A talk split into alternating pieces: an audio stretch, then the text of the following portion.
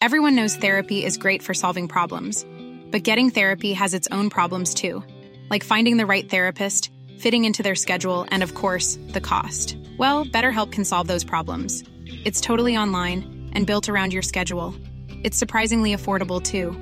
Connect with a credentialed therapist by phone, video, or online chat, all from the comfort of your home. Visit betterhelp.com to learn more and save 10% on your first month. That's BetterHelp H E L P. Cool fact a crocodile can't stick out its tongue. Also, you can get health insurance for a month or just under a year in some states. United Healthcare short term insurance plans, underwritten by Golden Rule Insurance Company, offer flexible, budget friendly coverage for you. Learn more at uh1.com.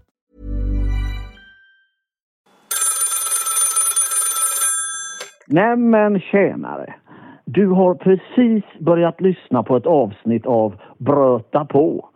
En väldigt göteborgsk historiepodd. Bröta på alle man Alle man bröta på Sluta köra Hallå Ena Lundström, nu är vi här igen. Det är vi Christian Wedel. Lite stukade. Vi är lite stukade. Ja. Jag, jag, efter, efter midsommar, jag klev ju lite olyckligt i en båt på midsommaraftons kväll. Eh, så jag sitter här, jag är liksom enarmad men en enarmad bandit eh, kan ju nog ta sig fram ganska bra i terrängen ändå får vi hoppas. Ja, det tycker jag. Eh, idag har vi ett, eh, ett ämne som vi, vi, har varit, vi har gruvat oss lite men vi känner att det är ett viktigt ämne. Det är Göteborgs eh, 400-årsjubileum. Ingenting, inga ansträngningar är för stora för att eh, vi ska ge Göteborg det bästa. Det ska de ha. Så och är, vi det, med. så är det. Vi har gett oss på smör, ost och sill och Mm. eh, eventuella fotbollsseglare i framtiden och nu kastar vi oss över detta ämne som vi kallar för integration. Ja, men hade det inte varit en bra liten nätt gåva? Hade det så inte varit nu en bra så här gåva? med 400 Ja, år. jag, jag, tycker det, det, är- jag, jag kommer att tänka på nu när du sa detta, det låter lite grann som den här berömda frågan de ställer till Mahatma Gandhi, Mr Gandhi, what do you think about western civilization? Du vet vad han svarade? Nej. Well, I think that would be a great idea. eh, och eh, någonstans, Boom! någonstans är vi där, men det är ju så här att Göteborg är 400 år och Göteborg har alltid varit en ganska delad stad. Göteborg hoppla. har alltid varit en, en segregerad stad. Det har varit ett eh, långt avstånd mellan vissa grupper av människor. Så att det här är, om vi nu klär oss i och aska, är bekymrade över att Göteborg idag är en segregerad stad. Så jag vet inte om det är en tröst, men det är i alla fall någonting som, som alla fall en lite, del. lite mindre panik för, för vår allmänna egna uselhet är att det har varit så här i 400 Ja, år. ja, men det är, ändå, det är ändå bra. Det är ändå en del av den göteborgska traditionen. Just det. Det, alla just traditioner är inte av godo. Alla traditioner är inte av godo. Och då är alltså frågan, vad är det egentligen vi vill? Jo, vi tycker att Göteborg skulle kunna bli en ännu trevligare stad om vi kom lite närmare varandra, vi göteborgare. Ja, det, det, det, det kan man ju skriva under på Det kan vi jag. göra. För Ja. vi vet också, vi är fullt medvetna om att en podd som behandlar ett ämne som etiketteras som integrationsfrågor är ett veritabelt minfält. Det är det. Vi, är, vi kan i vilket ögonblick som helst kliva ut i ett dike och det, någonting kan explodera under oss. Vi vet inte riktigt Så om ni aldrig mer ser eller hör från mig och Christian Wedel så beror det på att ansvarig utgivare har dragit i snöret och spolat ut oss i terrängen, vem vet. Men vi, vi känner ändå att det finns en eh, det finns trots allt en plattform där vi kan enas om att det är bättre att vi kommer närmare varandra. Det är bättre att vi är goda vänner än att vi inte är goda vänner med varandra. Det finns visserligen extrema politiska falanger som tycker att det är bättre att vi är osams och att det är bättre med antagonism, men det, där får vi helt enkelt De är inte här idag och kan försvara De är sig. inte här idag och vi tänker inte bjuda in dem till nästa pro- program heller. Så det, det må vara hur du vill med den saken. Eh, så att därför singlar vi upp detta nu. Vi skulle vilja att vi kommer närmare, närmare varandra i Göteborg. Vi vill förbättra integrationen. Hur ska detta gå till? Vi Ja. ska göra en liten historisk rundmålning men innan dess för att bara markera att du inte kommer att komma undan Nej, idag Ina nej, Lundström nej, nej. så har vi ju de här, vi har ju de här jubileumsgåtorna. Ja, de är otroliga. Ja, de är otroliga och du har varit otrolig, du har varit framgångsrik, du har lyckats plocka poäng lite grann, lite här och där. Ja, lite. Jag Ja. skrapar till med ett och annat. Ja, men det har du verkligen gjort. Tycker Du är lite, lite grann som, som Blåvitt under en mellansäsong. Du Ja, plockar, lite plockar lite kryss här och sen någon, någon hemmaseger emellanåt. Och eh, regeln är alltså följande att du ska försöka att nagla fast vilket år det är jag beskriver. Mm. Och det finns vissa underlättande, eller ska man säga intrikata faktorer här och det är ju då att det kan vara 16, 17, 1800-tal eller 1900-tal. Om det skulle vara så här att det är 1900-talet så har du ett fönster på fem år. Ja, då behöver jag bara vara, eller då behöver jag ändå vara ganska rätt Det behöver på vara det. ganska rätt, Mm, ja, precis. Eh, det, det betyder att eh, eh, om svaret är 1923 så får du hålla dig till, till då 19, 1921 till 1926 liksom. Mm. Just Så att det. ska bli något sånär rätt. Va? Eh, på 1800-talet så är ditt fönster, ditt tidsfönster, 10 år. Ja, det är ju lite rymligare. Det är det, det är det fortfarande ganska svårt skulle jag vilja säga. Ja. Jag skulle nästan tro att 1800-talet är det svåraste eh, seklet här. Mm. 10 år är ganska tajt. Ja. Eh, sedan på 1700-talet så har du ett tidsfönster på 25 år. ja, då börjar man ju känna sig riktigt bekväm. Om det hade varit så att man kunde mycket om 1700-talet hade man ju varit om, det, superbekväm. om, det, om det vore så. Men jag, jag antar att du inte har gjort annat de senaste veckorna än att ha pluggat hårt om det göteborgska 1700-talet. Och slutligen, om svaret ligger inom 1600-talet, då har du ett tidsfönster på 50 år. Ja, då är jag ju, ja där kan jag jassa rätt Där kan du friskt. jassa rätt ja. så bra och dessutom så har du ju en bortre gräns, nämligen det faktum att Göteborg grundlades 1621. Va? Så, det, så det finns ju faktiskt bara, på 1600-talet eh, så Ja. är fönstret inte större än 79 år. Nej, så det, ska- det ska mycket till. Däremot så kan det ju vara svårt att veta, är vi på 16 eller 1700-tal? Det kan vara mycket, mycket svårt. Jag vet att du hade lite resonemang om 1600-talet här förleden. Mm. Men nu ger vi oss alltså på då helt enkelt fråga nummer fyra i denna jubileumssäsong. Aldrig varit mer redo. Nej, det är bra. Här kommer dagens första ledtråd. Så redo. Den 31 december detta år hade Göteborg 102 782 invånare. 102 782 invånare, det är ju inte svinmånga alltså, men det är ju mer än 1600-talsmånga, skulle jag tro. Eh, Och sen så är det ju sådär med befolkningstillväxter, de är ju helt, alltså det går ju exponentiellt. Det är vissa, eh, det, det är stadigt och långsamt och fint och sen helt plötsligt så smack boom kommer varenda potatisbonde från Småland konkandes och ska in i stan. Jag har nog aldrig hört någon sammanfatta Gö- Göteborgs, utvecklings, äh, Göteborgs demografiska historia som smack boom, där kom varenda potatisbonde. Men jag vill, jag vill säga också samtidigt att det är en väldigt korrekt sammanfattning av Göteborgs befolkningsutveckling. Det sa smack och boom och potatisbönder kommo i mängd. Det är eh, jättebra svar. Ja, och då tänker jag att detta är innan liksom, den stora potatisbondevågen. Eh, utan detta, eh, eh, spontant så tänker jag att vi är i en välmående borgerlig 1700-talsmiljö. Men det, det, det, det, är definitivt inte så att jag kommer här och svarar på saker till höger och vänster. Det ska du inte tro. Nej, nej, Utan det är detta inget är bara ett resonemang. Här, Mm. ja, jag förstår. Jag Ja. förstår. Ibland är det så svårt att skilja mellan resonemang och svar. Ja, nej men det här är för tydlighetens skull inget svar. Utan jag tar med mig eh, min, min känsla av att vi pratar om eh, liksom lite senare 1700-tal, kanske lite tidigare 1800-tal. Eh, och inte 1600-tal och inte heller 1900-tal. Det, det, det, det är det jag, Okej. där jag Du jassar. utesluter 1600-talet, du utesluter 1900-talet Ja. eh, och eh, upplysningen då, ledtråden är ju åter för att eh, formulera det igen. Den 31 december detta år hade Göteborg 102 782 invånare. Mm. Okej, då eh, har du i alla fall snävat in det till antingen 1700-tal Ja. eller 1800-tal och vi kommer nu att spränga fram i terrängen utan att hoppa i diket för att resonera om den göteborgska integrationen. Och jag tänkte att jag skulle börja med en liten historisk utvikning. Det hoppas jag. Om om du nu undrade vad jag menade med det här att, att Göteborg alltid har varit en segregerad stad. Ja, så, för man, man, man hajar ju till när du Ja, säger så. Man hajar till och eh, man, kan också, man kan också, man skulle kunna betrakta detta på två olika sätt.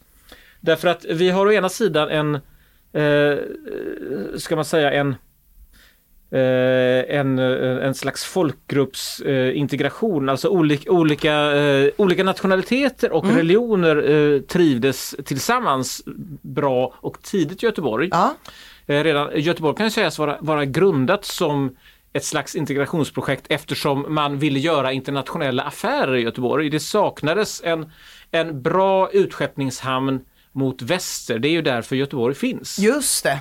Eh, bland annat för att man ville, ville kringgå den danska tullen och så vidare. Just det, så det var inte liksom för den heliga Gud som Göteborgs nej, eh, anlades. Göteborg är absolut inte an, Om an, inte anlagt. mammon räknas Ja, som en gud. eh, det skulle möjligen vara Mammon som, Ja. är, som är inblandad, men Göteborg är, är, är en handelsstad. Mm. Eh, det är fortfarande en handelsstad så att eh, när det slamrar i containrarna ute vid Älvsborgshamnen nu för tiden så, så är detta helt i linje med Göteborg. Eh, från början så hade man en mängd eh, holländare här, det är alltså di, dina Ja. anmödrar och Ja, anfäder ja. som, som, som har varit här. Eh, De var reformerta, det är då en, en, en de var kristna men de var inte sådär lutheranskt eh, pålitliga tyckte, tyckte svenskarna. Så det Men fanns var de, de var inte kalvinister då? Nej, nej de Det- var inte, det var något annat de var Inte, innan. Mm, de var inte kalvinister. Men, men eh, vi, vi, ska, vi ska inte reda ut hela denna, denna märkliga palett av, av där man har lite olika synpunkter vad som egentligen händer under nattvarden eller sådär. Men Mm. man, det vi kan veta var i alla fall att det, det togs på blodigt allvar på 1600-talet Mm. och eh, man kunde utan vidare starta ett och annat krig. Men när man kunde göra fina affärer, nämligen i den nystartade staden Göteborg, då var man benägen att se mellan fingrarna med detta. Mm. Så att man, man lät eh, holländare vara här och man lät tyskar vara här i- och man eh, och tyskar kunde naturligtvis vara vara lutheranska precis som svenskar. Men, men det, det fanns redan från början i Göteborgs premisser en, en tolerans. Samtidigt så fanns det en inbyggd segregation och den segregationen i Göteborg den kan man säga är precis lika gammal som själva stan därför att man började redan på sommaren 1621 med en lottdragning då man skulle dra lott om de bästa tomterna. Jaha, det eh, låter ju spontant superrättvist och ja, demokratiskt. Det, det var, det var, ja, Alla har lika stor chans att Ja. få strandtomt. Fast alla hade inte riktigt lika stor chans här. Eh, det är intressant att du säger strandtomt för att de tomter som var mest attraktiva det var naturligtvis de fina tomterna vid Stora Hamnkanalen och vid, vid kanalerna i största allmänhet. Och då gjorde man så att man tog, eh, man hade tre som man kallade för pottor. Alltså tre kärl med, med lotter i. Och det, i, det, i den ena pottan så la man då eh, eh, lotter till de, till de här fina tomterna vid Stora Hamnkanalen. Och sen så hade man en mittemellanpotta där man la la också då lotter till fina tomter eh, vid sidokanalerna och sådär. Också väldigt attraktiva. Så att potta nummer ett och potta nummer två, det var, de, det var pottorna där, där man ville vara och rafsa. Där ville man vara och rafsa. Sen fanns det en potta nummer tre och där var det skräptomter. Nej, Och då hävdade, hävdade svenskarna i det här sammanhanget, och svenskar var, var, var då huvudsakligen alltså gamla borgare från Nya Lödöse. De menade att, att det här eh, lotteriet var manipulerat på något sätt så att holländarna skulle hela tiden få de snyggaste och bästa tomterna. Eh, Jag har ingen aning om ifall detta var sant eller ej, det är kanske något man alltid hävdar, men det som åtminstone var sant det var så här att för att få ta ur de två snyggepottorna, och för den allra bästa pottan så behövde du bygga hus helt i sten, det vill säga du behövde ha massor av pengar. ja ja ja. ja. Skulle du, eh, skulle du bygga, ta från mellanpotten så skulle du i alla fall ha delvis i sten. Du behövde fortfarande mycket pengar. Om, du inte, om du inte hade pengar så fick du dra ur sämsta det. pottan och bygga ditt eländiga hus i trä. Ja, man vill var- inte ha något träruckel som man tittar mot Göta kanal. Ha, man vill Nej. inte ha träruckel framme vid Hamnkanalen. Så detta ledde till att de exklusiva adresserna vid Hamnkanalen Mm. hamnade hos de förmögnare första göteborgarna. Och, och här... Ja, ja, för att ja. tanken var att det Mm. inte skulle vara så men så sa de det här blir orättvist. Det borde bara vara vi i första pottan. Ja, ja ungefär så. Så här sås kan man säga fröet till den eh, till det segregerade Göteborg. Ja. Och här är det egentligen bara baserat då på nationalitet. Ja, man kan säga att det är na- Eller ja, dels har du ju- nationalitet och, och eh, pengar. Så att så små, Ja så precis, småningom- trepottan är Ja, ju ja, pengasegregation. Men att även hur rik du än var som holländare så ville ändå inte Lödösgänget att man skulle in i första pottan och talla. Det, var, det, om det, fanns, det fanns naturligtvis en sån antagonism. Mm. Det, är klart, det är klart att de var, de var irriterade i, eh, i Lödöse över att det kom holländare hit och gjorde sig breda. Så var det förstås. Men- sig preda ett I så bra un- uttryck. Men den här, när, när, när det gäller den här den segregerade staden, för det, för det intressanta är att det här kan vi följa genom seklerna. Eh, Vi, eh, vi ser hur eh, långt, långt in på 1800-talet så bor de, de riktigt förmögna grosshandlarna, de som heter det, kan, det är ju då Dixon och Wik och Barclay och Rös och sådär. Jag, jag plockar lite namn ur minnet här. Eh, Och man hittar dem fortfarande på de här adresserna. Ja, Och, men, och då är Göteborg en Alltså en hyggligt integrerad stad när, när, när, när det gäller, ska jag säga, det internationella kriteriet. alltså, När, du, när du tittar på, på, på bakgrund och i någon mån eh, faktiskt också religiös tillhörighet. Du får ju en judisk grupp som, som eh, blir ganska stor i Göteborg på 1800-talet. Ja. Så du hör att jag- kliver ganska friskt här mellan- ja, ja men det får man. Mm. Eh, motsvarande internationella inflöde är naturligtvis eh, folk som kommer från, eh, från Storbritannien på 1700-talet. Just det. Eh, så att, men, men du har en, en kraftig skiktning mellan, mellan eh, förmögna göteborgare och Mm. fattiga göteborgare. Och den stora majoriteten av göteborgarna var fattiga. Ja. Eh, Det, man, man glömmer detta ibland därför att det, bland annat för att det är så svårt att skriva det fattiga Göteborgs historia. Den är, den är, så Ah. säga, den är grå, dyster och ganska odokumenterad. Eh, Och det har gjorts av en del historiker men, men det, är, det är liksom ett, ett, ett knepigt ämne. Men pratar... Och där var ja, väl egentligen liksom, alltså, där var det väl inte att det kom ett gäng fattiga tyskar och bosatte sig i fattiga träruckel bredvid de fattiga svenskarna. In, nej, inte i, särskilt, inte i särskilt hög grad utan... eh, Det var ju de övre samhällsskikten kom, som kom, folk kommer, kom. kommer man Ja. som handelsman till Göteborg så, så, eh, så, så kliver man upp i de, Ja. liksom i, i de övre skikten. Mm. Så Gö- Göteborg har alltså alltid haft den här den här skiktningen mellan fattiga och rika och Mm. eh, jag har ju en del kontakter med, jag skriver ju böcker om Göteborg och har, på samma förlag så kommer det också ut böcker om Stockholm. Ah. Och, och eh, när man då pratar med, med kollegorna som skriver om Stockholm så påpekar de ju att det, här, här finns liksom en skillnad. Skillnaden är inte bara det att i Stockholm så var, var plåttaken svarta och i Göteborg är plåttaken röda. Nej. Utan att i, i Stockholm så bodde, eh, så hade, kunde man ha ett stort hus byggt 1880 och där, eh, där bodde grosshandlaren på övervåningen och så bodde skolläraren eh, lite längre ner och sen så bodde vedhuggaren på gården. Eh, i, i, men, men i Alltså den här tanken man har nu fortfarande av att eh, avstånden i Göteborg är väldigt stora mellan olika människor med olika förutsättningar och olika grupper.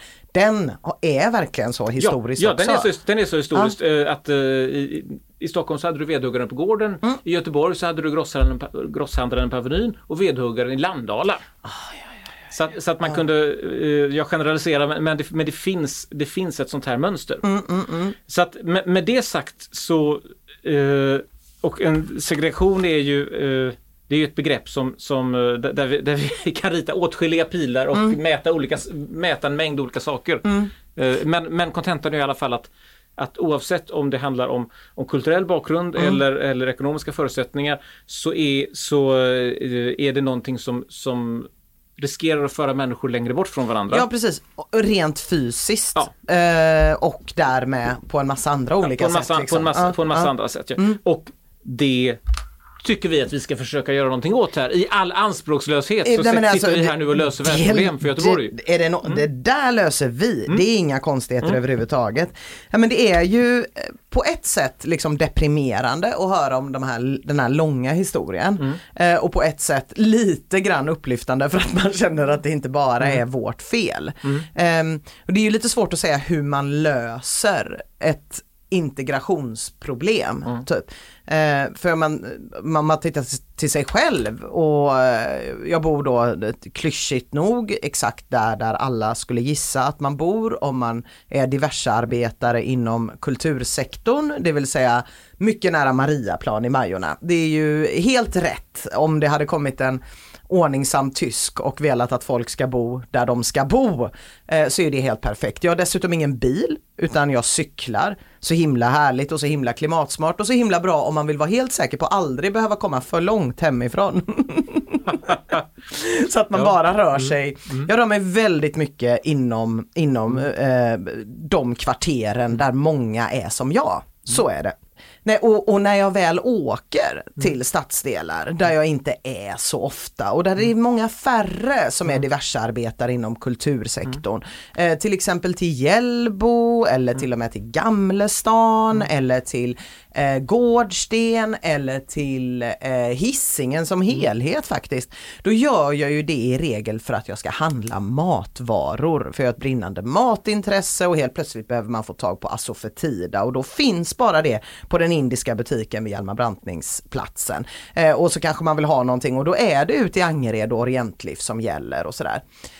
Och då kan man ju sitta där och känna sig som en så himla fin och härlig människa som har tagit sig ut ur sin komfortzon och vågat sig bort. Problemet är bara det som slår mig är att jag tycker att mina sådana äventyr är ju smärtsamt likna koloniala 1600-talsäventyr. Det vill säga jag lämnar min trygga hamn i jakt på kryddor Eh, och kommer tillbaka och lagar dem i mitt hem. Eller kanske till och med ge till några kompisar för att berätta om mina exotiska resor. Nej, men, eh, man blir liksom självmedveten och ganska deprimerad så fort man pratar om integration tycker jag. För det är så uppenbart att vad man än gör så blir det liksom lite fel. Ja det kan man väl säga att det blir men nu, nu tycker jag ändå att, vi, att eh, nu klär du dig i säck och aska alldeles för mycket och här nu, nu får vi Tack, nu, är- Christian. Det var nu är vi på att väg höra. att kliva, eh, nu känner jag att jag kommer att kliva i ett annat i ett klaver här så att det både, både klinkar och plaskar nämligen. Eh, eh, vi anade lite, lite, eh, lite sån här postkolonial teori här i bakgrunden. Eh, och eh, jag känner alltid att jag i mitt vapen. När postkolonial teori kommer, kommer i min närhet.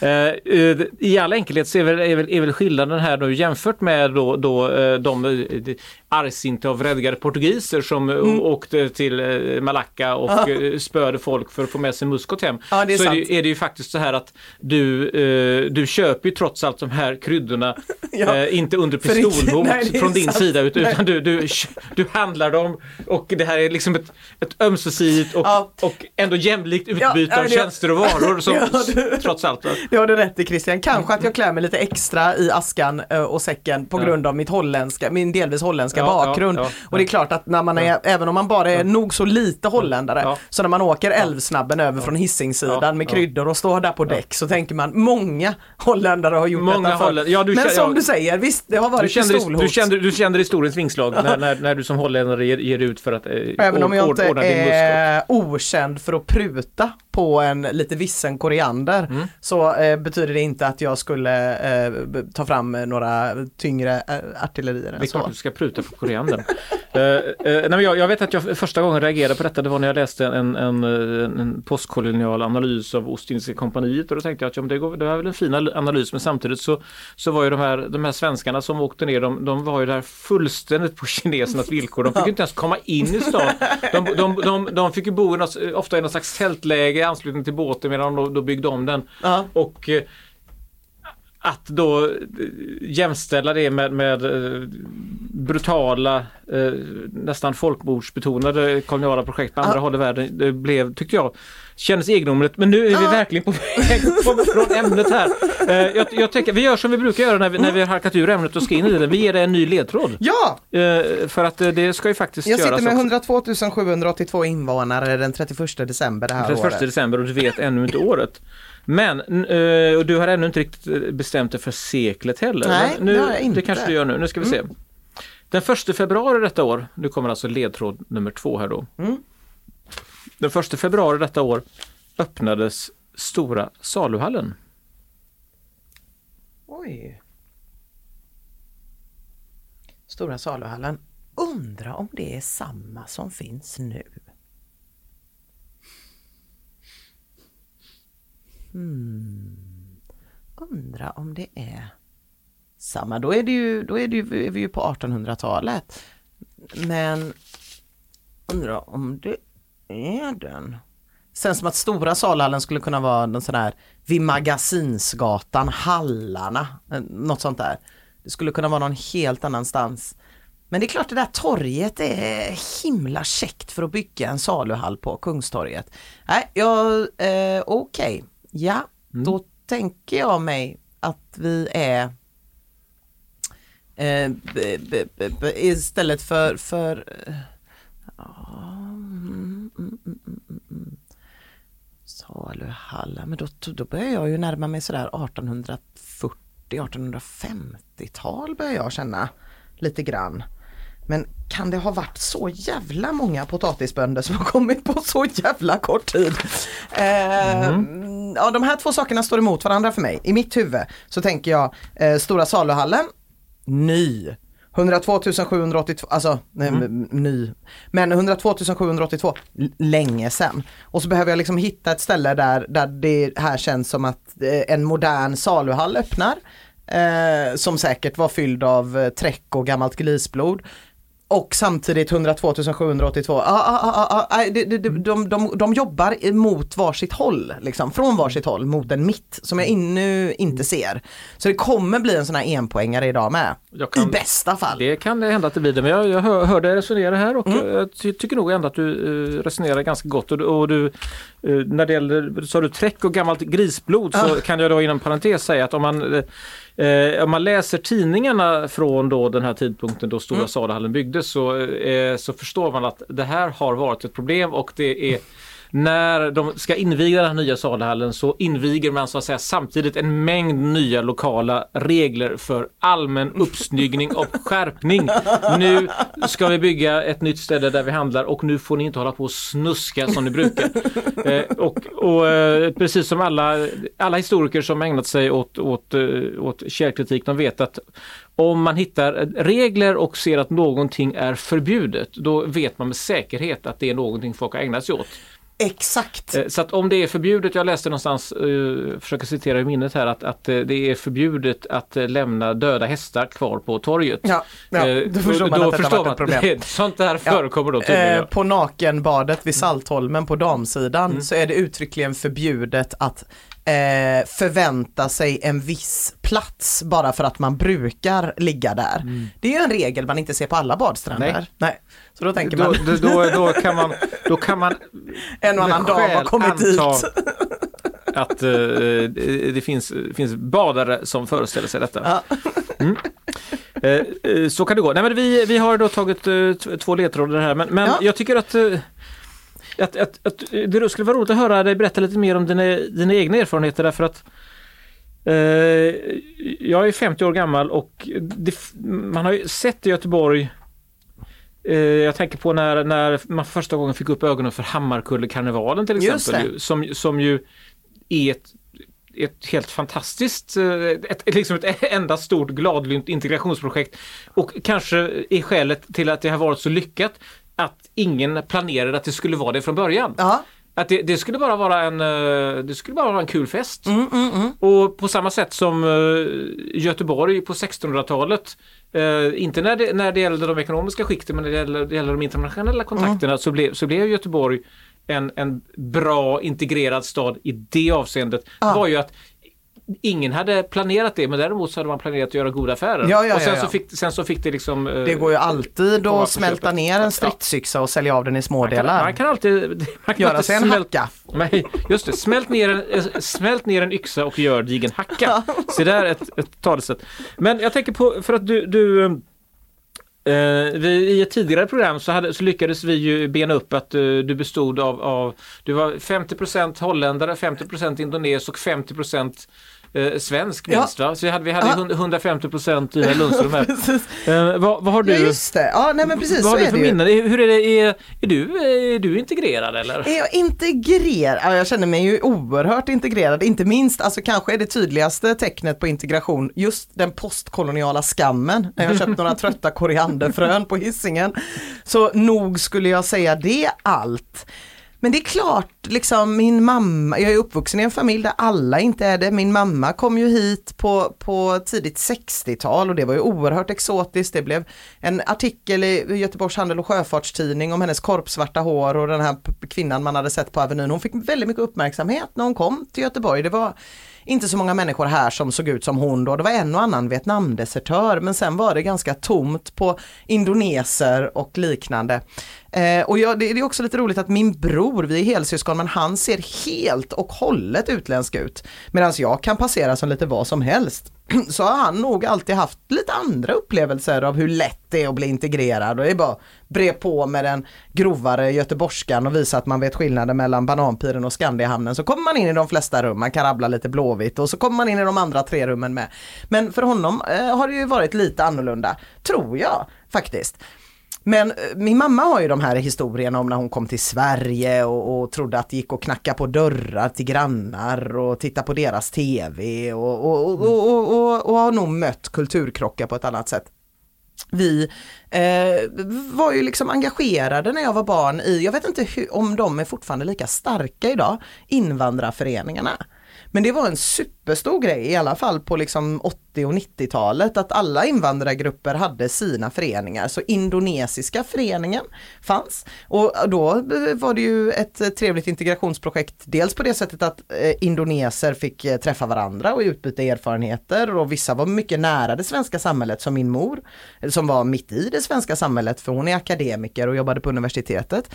Eh, och då träffar ju hon indonesiska kvinnor som är mycket längre och indonesiska män som är mycket, mycket längre från någon slags etablerat göteborgskt samhälle. Eh, Men dessutom så är det ju otroligt många invandrare som kan så sjukt mycket om föreningskultur. Som liksom är sådana totala experter. Och det finns ju jättelevande föreningsliv ute, även bland yngre människor upplever jag.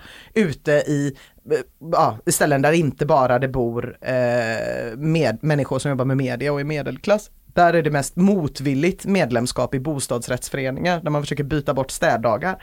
Eh, så den här indonesiska föreningen, där blev det ju att man åkte varje vecka och då fick man känna där att nej men vi har någonting som är vårt. Och, och vi, det fanns invandrardagar på Liseberg en gång per år där alla de här olika invandrarföreningarna lagade mat och sålde och människor gick runt och jag fick dansa indonesisk dans på stora scenen. Och allt, eh, allt sånt liksom. Så att eh, ja, jag tänker ju nästan eh, aldrig på att jag inte skulle vara väldigt göteborgsk och jag håller med min mamma där, för min mamma hon, hon har ju då växt upp på många olika ställen och hon har inget direkt första språk eh, och, och det är väldigt, hon vet inte vilket språk hon drömmer på för att hon, hon kan åtta olika, hjälpligt. Men om någon frågar var hon, hon är ifrån så känner hon att hon är göteborgare. Det kan man säga. Och jag är nog lite, har lite svårt att säga att jag är svensk för att jag är också indones. Men jag kan verkligen säga att jag är göteborgare och det tror jag är någonting som kan man få fler att känna så? Man kanske inte, man kanske inte kan få folk att känna jättestarkt för Ångermanland eller för koppargruvor eller för Smygehuk. Det kanske är eh, en, ens, nationalismen kanske kan vara lite bökig framförallt för människor som kommer från delar av världen som har blivit koloniserade av fyra olika länder där människor pratar 20 olika språk och där det ligger moskéer och kyrkor bredvid hinduiska tempel som det är på många delar av Indonesien. Då är det lite svårt att ta till sig en nationell identitet men en lokal, det har jag inga problem med överhuvudtaget. Jag är göteborgare liksom. Så, så på det sättet så känner jag mig väldigt integrerad i Göteborg. Ja, alltså en, en lokalpatriotism är ju väldigt sällan aggressiv. Den Eh, är medan medan det. en, en eh, mer, ska jag säga, mer traditionell patriotism eller nationalism eh, ofta blir det, jag, jag brukar ibland betrakta, alltså om man tänker sig liksom eh, nationalism ungef- ungefär som starksprit. Ja. Att, eh, ja men, eh, två centiliter eh, kan, kan väl vara, vara trevligt Ja. till, till en festlig middag. Men, men eh, två deciliter är på tok för mycket. Ja, Eh, och, eh, och två liter då avlider eh, konsumenten. va? Ja, men att, precis. Att, att man får, men men då, då är ju, jag tycker det låter som en väldigt trevlig lösning att man helt enkelt eh, vi, vi kan slopa den här eh, Sverigeparametern helt och hållet och, och gå direkt på Göteborg. Vi, Ja, är, jag- vi är göteborgare. Det är så mycket enklare när det är ett ställe man känner till och man har varit på, på, på som barn och som vuxen och med vänner och man har varit ledsen på stället, man har varit glad på stället, man har varit stolt över stället. Ibland kanske till och med stället har varit stolt över en själv om man har riktig tur. Eh, det är enklare.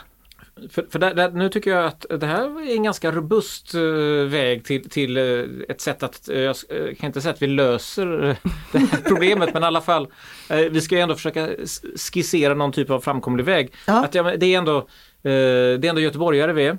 Ja. Och därmed så kan vi släppa alla, alla de här eh, språkfrågekomplikationerna. Eh, har vi ett gemensamt språk så är det så fall göteborgskan. Ja. Och göteborgskan har många ansikten, Ja. eh, om nu ett språk kan ha många ansikten. Eh, och, och i Göteborg så har man ju redan från början eh, talat eh, en oändlig massa språk. Ja. Ja, eller inte oändligt men, men i alla fall eh, det, det, har varit, det har varit plattyska och Ja. det har varit högtyska och det har varit engelska och, och eh, skotska engelska, det har varit holländska, det har varit eh, göteborgska, det har varit eh, lite slättmål från, eh, från alla de bönder som var här och, och, och grävde och sådär. Så, att, så att man det har man naturligtvis kunnat höra. Och, eh, men jag tycker också att, att det du det du berättar om, om det här med invandrardagen på, Lis- på Liseberg och sådär att det finns eh, det finns en, en ett slags oskuldsfullhet i de här, eh, i, i de här scenarierna du tecknade. Men det att, finns det, alltså jag, jag kan inte se framför mig den projektledare på Liseberg som skulle glatt våga deklarera Låt invandrarna komma till Liseberg en gång per år och bjuda på sin goda mat och visa sina praktfulla kläder och göra sina sköna danser.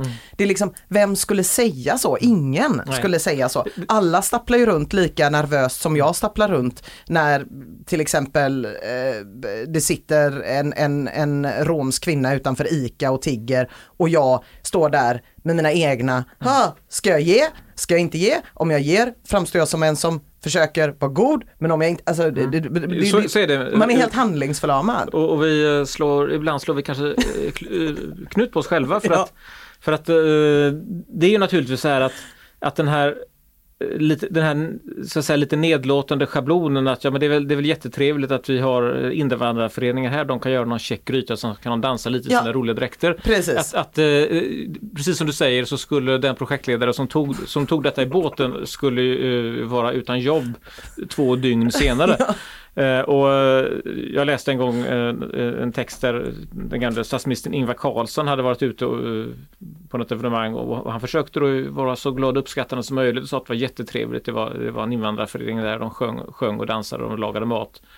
Eh, Och eh, han blev naturligtvis hudflängd för detta. Ja. Och, men, men eh, kanske är det så att vi i någon mån kastar ut barnet med badvattnet här därför att det är klart att det är lite, det är lite löjligt och eh, det, det kan nog befaras att det emellanåt kan få ha en, en ska säga, finnas ett nedlåtande perspektiv här. Men samtidigt så är ju är det ju också väldigt trevligt Ja, ja, att, gud ja. att, att människor träffas och lagar mat, att människor träffas och dansar, Ja. att, man, att, man, att man gör någonting, eh, någonting tillsammans. Jag, jag, jag nämnde väl Hammarkullefestivalen här, eh, häromdagen, eller förlåt, häromdagen, för, för några minuter sedan, som, som, eh, som ju är just ett sånt enastående exempel och det består det är ju, är ju, det är ju mat och dans. Ja men precis, det är ju det. Och det är också liksom, mat är ju också det första man börjar prata om, eller det första jag blir nyfiken på när jag träffar människor som har rötter, oavsett om det är Bohuslän och jag vill prata om deras äggost och hur man egentligen gör den på bästa sätt. Eller en persisk person som man vill prata om deras KBD med, så är det alltid, det är alltid ett, eh, det är ju som eh, jag, jag, jag kan egentligen bara komma på fotboll och det kan man inte prata med alla, man kan inte prata med alla om fotboll. Kan man prata om fotboll så är det jättebra. För det är en så, eh, inte politisk, inte liksom, eh, man, man behöver bara kunna några få ord när man är utomlands för att kunna v- kommunicera om fotboll. Eh, och mat är som det fast ännu lite bättre för alla äter ju.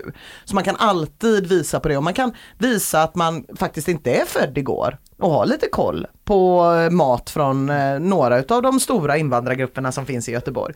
Och man kan liksom, eh, ja, Det kan man och, och vi får helt enkelt vi, känns- får, vi får se upp så att vi, vi, vi ibland så blir vi blir så sofistikerade att vi slår knut på oss själva. Ja, vi, framförallt Och då gör vi ingenting. Det är ju Nej, det, för nej. att man tycker att det känns töntigt typ. För man bara säger, jag vill inte vara en sån tönt som gör det här. Så blir det ju. Och så sitter vi still i båten och så, och så hoppas vi att vi ska vara lite coola. Och, och eh, så gör vi åtminstone inte fel. Och det, det, jag vet att eh, när man då, eh, ja, ja, man då, då jobbar med, med tidningar eller böcker och sådär så, så, eh, så har vi ett, ska vi säga, tilltagande problem med det som kallas för genreillustrationer.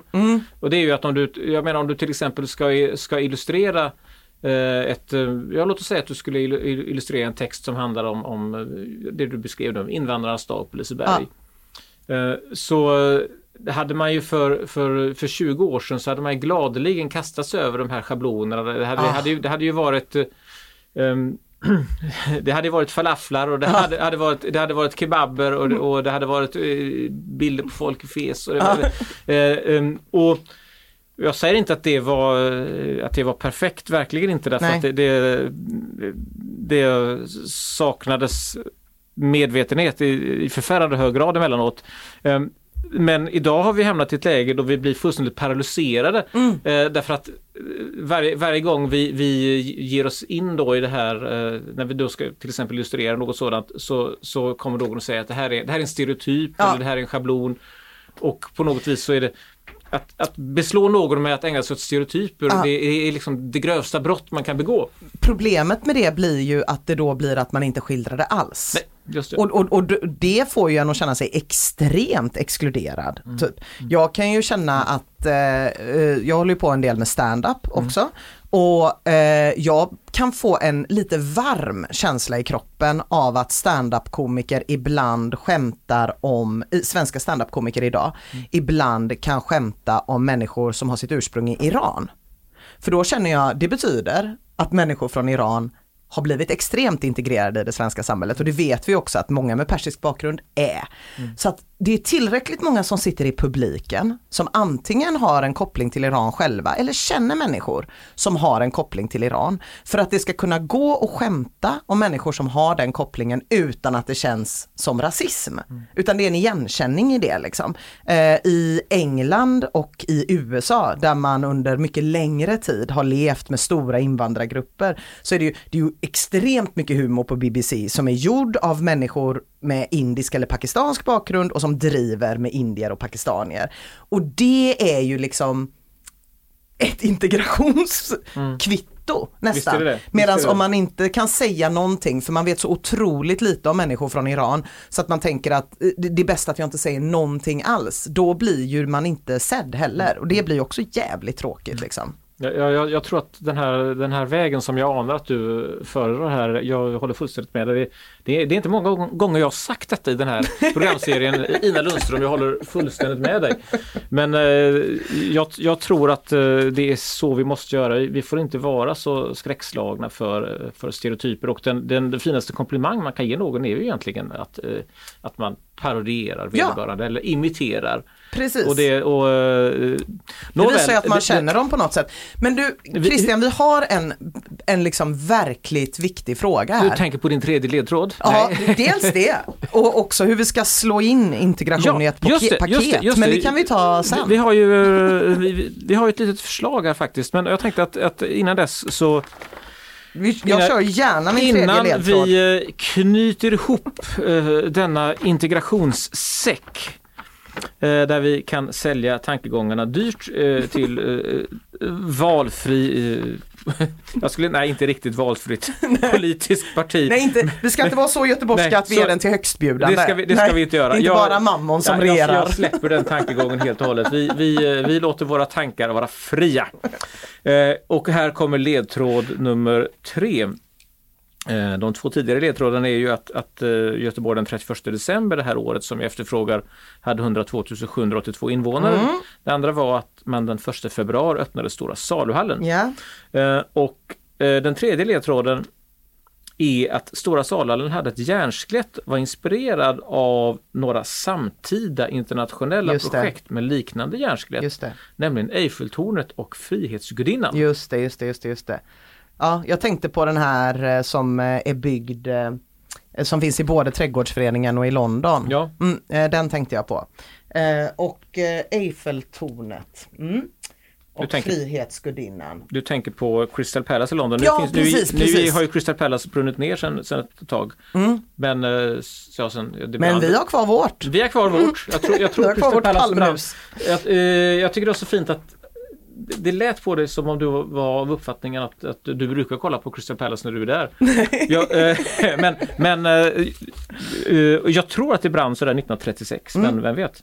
Det, det är fint att du, att du rör dig så fritt på tidslinjen. Ja, ja, ja, väldigt, Eh, väldigt, väldigt fritt. Eh, Jag önskar ju att jag med säkerhet visste när Eiffeltornet eller Frihetsgudinnan var byggt. Men jag kan inte sätta året så. Eh, och när vi är här så är det ju då eh, Samtida var det va? Samtida med Ja. Eiffeltornet. Ja, ja, precis, det här är samma veva. Mm, Jag hade verkligen, åh gud vad jag hade velat kunna säga, "Ah, ja men Eiffeltornet är ju byggt med och Fredriksgrenar. Eh, Men ehm,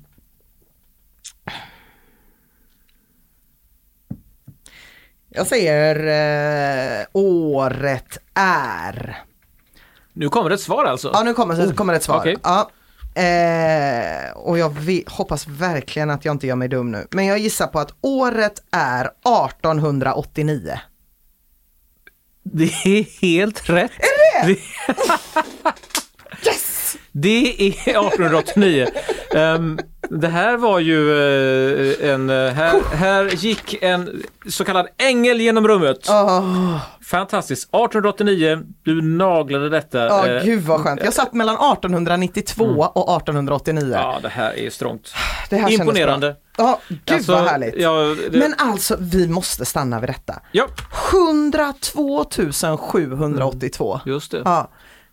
Fasiken vad många potatisbönder det kom på kort Ja, tid. eh, och eh, vad fint, då får vi tillfälle att, att eh, gå, in, och en, en, liten, en liten smula moderera där. Jo men så här är det ju att för att få en uppfattning så, så kan man tänka sig att Göteborg hade runt 1860 eh, knappt 40 000 invånare. Ah, ja, Lite, okej. mindre, lite mindre än 40 000. Ja. Eh, och sen eh, eh, hade Göteborg vid sekelskiftet 1900 ungefär 130 000. Mm. Och sen var man väl uppe vid 200 kanske då runt 1920 eller liknande. Så Göteborg växte väldigt, väldigt snabbt. Mm. Och det, det fanns en, en, en stor inflyttning från landsbygden. Så Göteborg var ju lite grann en, en, ungdomsstad kan man säga. Mm. Eh, och sen om alla var potatisbönder, det var nog, det var nog också det var nog mycket, mycket eh, pigor och eh, fattiga drängar och så som, som Mm. kom till Göteborg. Och som tog jobb i de här eh, de, de, de tidiga industrierna. Det var, fanns ju en bomullsspinnerier och Mm. väverier och sådär och sen så kom det lite tyngre industri. Mm. Men så Göteborg växte väldigt snabbt. Sen trodde, så alla trodde att Göteborg skulle bli en miljonstad sådär 1975. Det blev ju inte, blev, det blev inte så. Nej. Och eh, det här för att anknyta till dagens ämne, nämligen den segregerade staden och den stad som bör integreras. Så trodde man eh, när man på 60-talet eh, slugt och fiffigt genom bulvaner köpte upp hela den, den eh, gamla landsbygdskommunen Angered Bergum. Det gjorde man då i, i smyg. För att man räknade med att Göteborg skulle, skulle ha sådana enorma behov av eh, nya Ah. bostadsytor. Ah. Och att, eh, och att Angered skulle, vara, skulle bli en stad med, eh, med långt över 100 000 invånare. I, idag har väl Angered kanske 50 000 på sin höjd. Så det har, och man får åka en bit för att Ah. ta sig från, från centrala Göteborg. Göteborg är ju alltså numera en, en ganska stor stad som är rätt så glest befolkad. Alltså det, Väldigt. det, ligger ju, det är ju så att säga bebyggelseöar Ja. utanför stadskärnan. Verkligen. Så att hade vi, men hade vi växt i samma tempo som då på det glada 1880-talet så skulle det naturligtvis vara en miljon, Ja, då hade vi varit där uppe med nu. Ja. råge idag. Ja. Men, men vi, har, vi, eh, vi har ju redan skisserat på, eh, på en, en del av vår föreslagna lösning och det är att vi allesammans ska betrakta oss icke som svenskar eller västgötar eller, Nej. eller, eller eh, norrmän eller libaneser eller svenskar utan som göteborgare. ja, det tycker jag. Eh, Och eh, det är en väldigt bra början. Sen ska vi ju då naturligtvis se till att vi kommer lite närmare varandra och då eh, Det finns ju ett eh, ett gammalt amerikanskt uttryck eh, som ursprungligen så, så sa man shake the hand that shook the hand of John F Sullivan. Eh, och Sullivan var boxare, han var den, eh, den första stora boxningsvärldsmästaren. När han började slåss hade de inte handskar utan då, då, gick, då bara knölade de på och eh, så slog man tills någon låg ner. Och då var det någon som myntade det här uttrycket att eh, om, om jag då har hälsat på en person som har hälsat på någon som i sin tur har hälsat på honom så, så visar det sig rätt, rätt ofta att det inte är så många led bort. Nej just det. Eh, Och för ett par år sedan så pratade man ju om hur långt det var till John Malkovich. Jag Just det. ihåg det? Det, det är precis samma tankefigur att Ja. eh, den amerikanske skådespelaren John Malkovich eh, och Just det, och det har ju verkligen aktualiserats Ja. under det här under coronapandemin. coronan, hur många, hur, många hands- handslag hur många handslag är vi bort ja. Ja. Eh, och eh, jag menar om man till exempel ska se hur många, hur många handslag Ina till exempel är du från Donald Trump? ja, just det. Eh, så skulle jag väl gissa att du inte är så många handslag. Du, du har ju Ja, du har ju garanterat skakat hand med, med någon journalist Mm. eh, som har, om inte den där journalisten har träffat Trump så har, ju- har ju Journalisten träffat garanterat någon. träffat någon. Ja. Så, så att du är ju då, eh, ja du vet sådär tre handslag från, Ja. från Trump. Det är ju hisnande. Eh, Det, det, är- så att man, man tar sig väldigt nära. Eh, Men här ska vi alltså då i Göteborg komma varandra närmare och eh, av flera skäl så kan vi ju inte skaka hand med folk hur mycket som helst. Nej, Eh, någon måtta får det vara. någon måtta får det vara, men eh, då har vi ju skisserat här på någonting som man skulle kunna kalla för ett upp och nervänt pyramidspel. Ja, precis. Eh, Pyramidspel är, är ju ett, ett, en bedrägeriform som är vä- väldigt populär där man, där man, eh, där man förmår då eh, tio personer att eh, investera pengar i något fantastiskt projekt och sen ska de förmå ytterligare tio att investera. Och är man då, är, om man börjar, är man först eh, så kan man ju då bada i pengar. Det är ju bara det att eh, efter, efter några varv så räcker helt enkelt inte jordens befolkning till längre för att, eh, för att det här pyramidspelet ska, ska gå runt. Eh, och då blir människor lurade. Men eh, vi har ju då ett upp och nervänt pyramidspel, nämligen där man, där man istället, istället för eh, den som startar pyramiden ska då icke tjäna pengar utan istället faktiskt eh, få lägga ut en liten slant, Ja. även, även om det är en anspråkslös slant. Och det är ju helt enkelt eh, att vi ska förmå nu så många lyssnare som möjligt eh, och vi kommer själva föregå med gott exempel. Vi börjar idag. Ja, Eh, Jag har varit nere och kollat på Pressbyrån. 6 kronor kostar ett vykort med Poseidon eller paddan eller något annat trevligt Göteborgsmotiv. Ja. 12 kronor, lite chockartat, men 12 kronor är i alla fall dagens porto. Så att, eh, det betyder att en sådan försändelse kostar 18 kronor. Ett vykort med porto kostar det. 18 spänn. Eh, nu, eh, det, nu tar du, Ina, och köper eh, 10 sådana här eh, ekipage, Ja, vy, vykort med, eh, med porto. Och så skickar du till 10 av dina kompisar. Mm. Och så skriver du eh, på varje kort att eh, härmed manas du att skicka vykort till 10 av dina kompisar. Ja. Men du kan också, detta skriver du kortet, återvända till mig Ina. Mm. Eller när det gäller då mina kort så skriver jag att du kan återvända till mig Christian. Och utkvittera en riktigt härlig göteborgsk fika. ja, Eh, med eh, kaffe och bullar och kanske Ja. rent av någon dammsugare eller något annat ja det onyttigt. kan man aldrig veta. Eh, så att därmed så skapas liksom en, en, möjlighet till åter, återkoppling.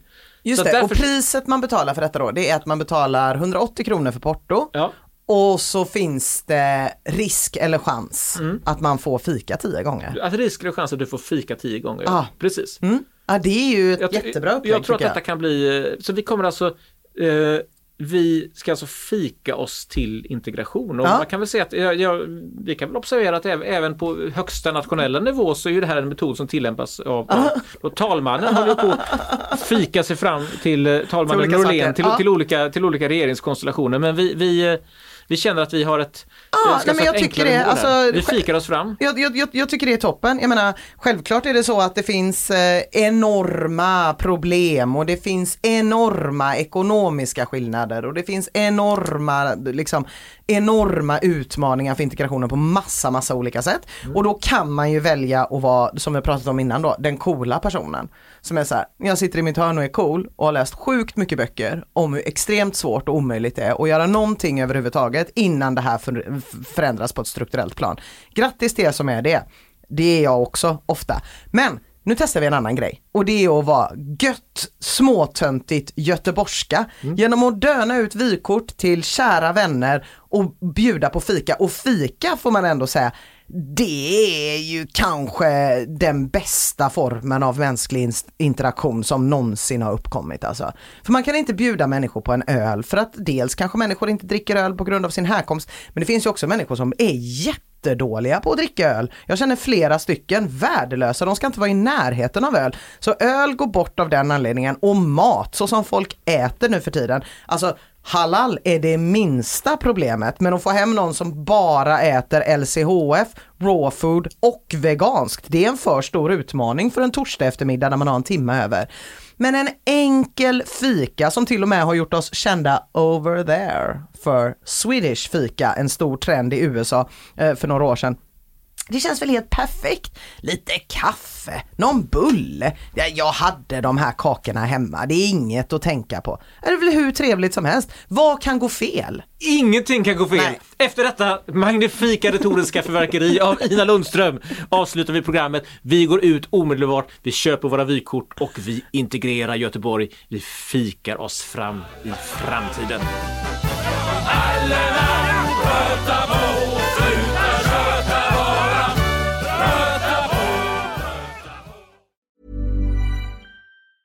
Mom deserves the best, and there's no better place to shop for Mother's Day than Whole Foods Market. They're your destination for unbeatable savings, from premium gifts to show-stopping flowers and irresistible desserts. Start by saving 33% with Prime on all body care and candles. Then get a 15-stem bunch of tulips for just $9.99 each with Prime. Round out Mom's menu with festive rosé, irresistible berry chantilly cake, and more special treats. Come celebrate Mother's Day at Whole Foods Market. Planning for your next trip? Elevate your travel style with Quince. Quince has all the jet setting essentials you'll want for your next getaway, like European linen, premium luggage options, buttery soft Italian leather bags, and so much more. And it's all priced at 50 to 80% less than similar brands. Plus, Quince only works with factories that use safe and ethical manufacturing practices. Pack your bags with high-quality essentials you'll be wearing for vacations to come with Quince. Go to quince.com slash trip for free shipping and 365-day returns.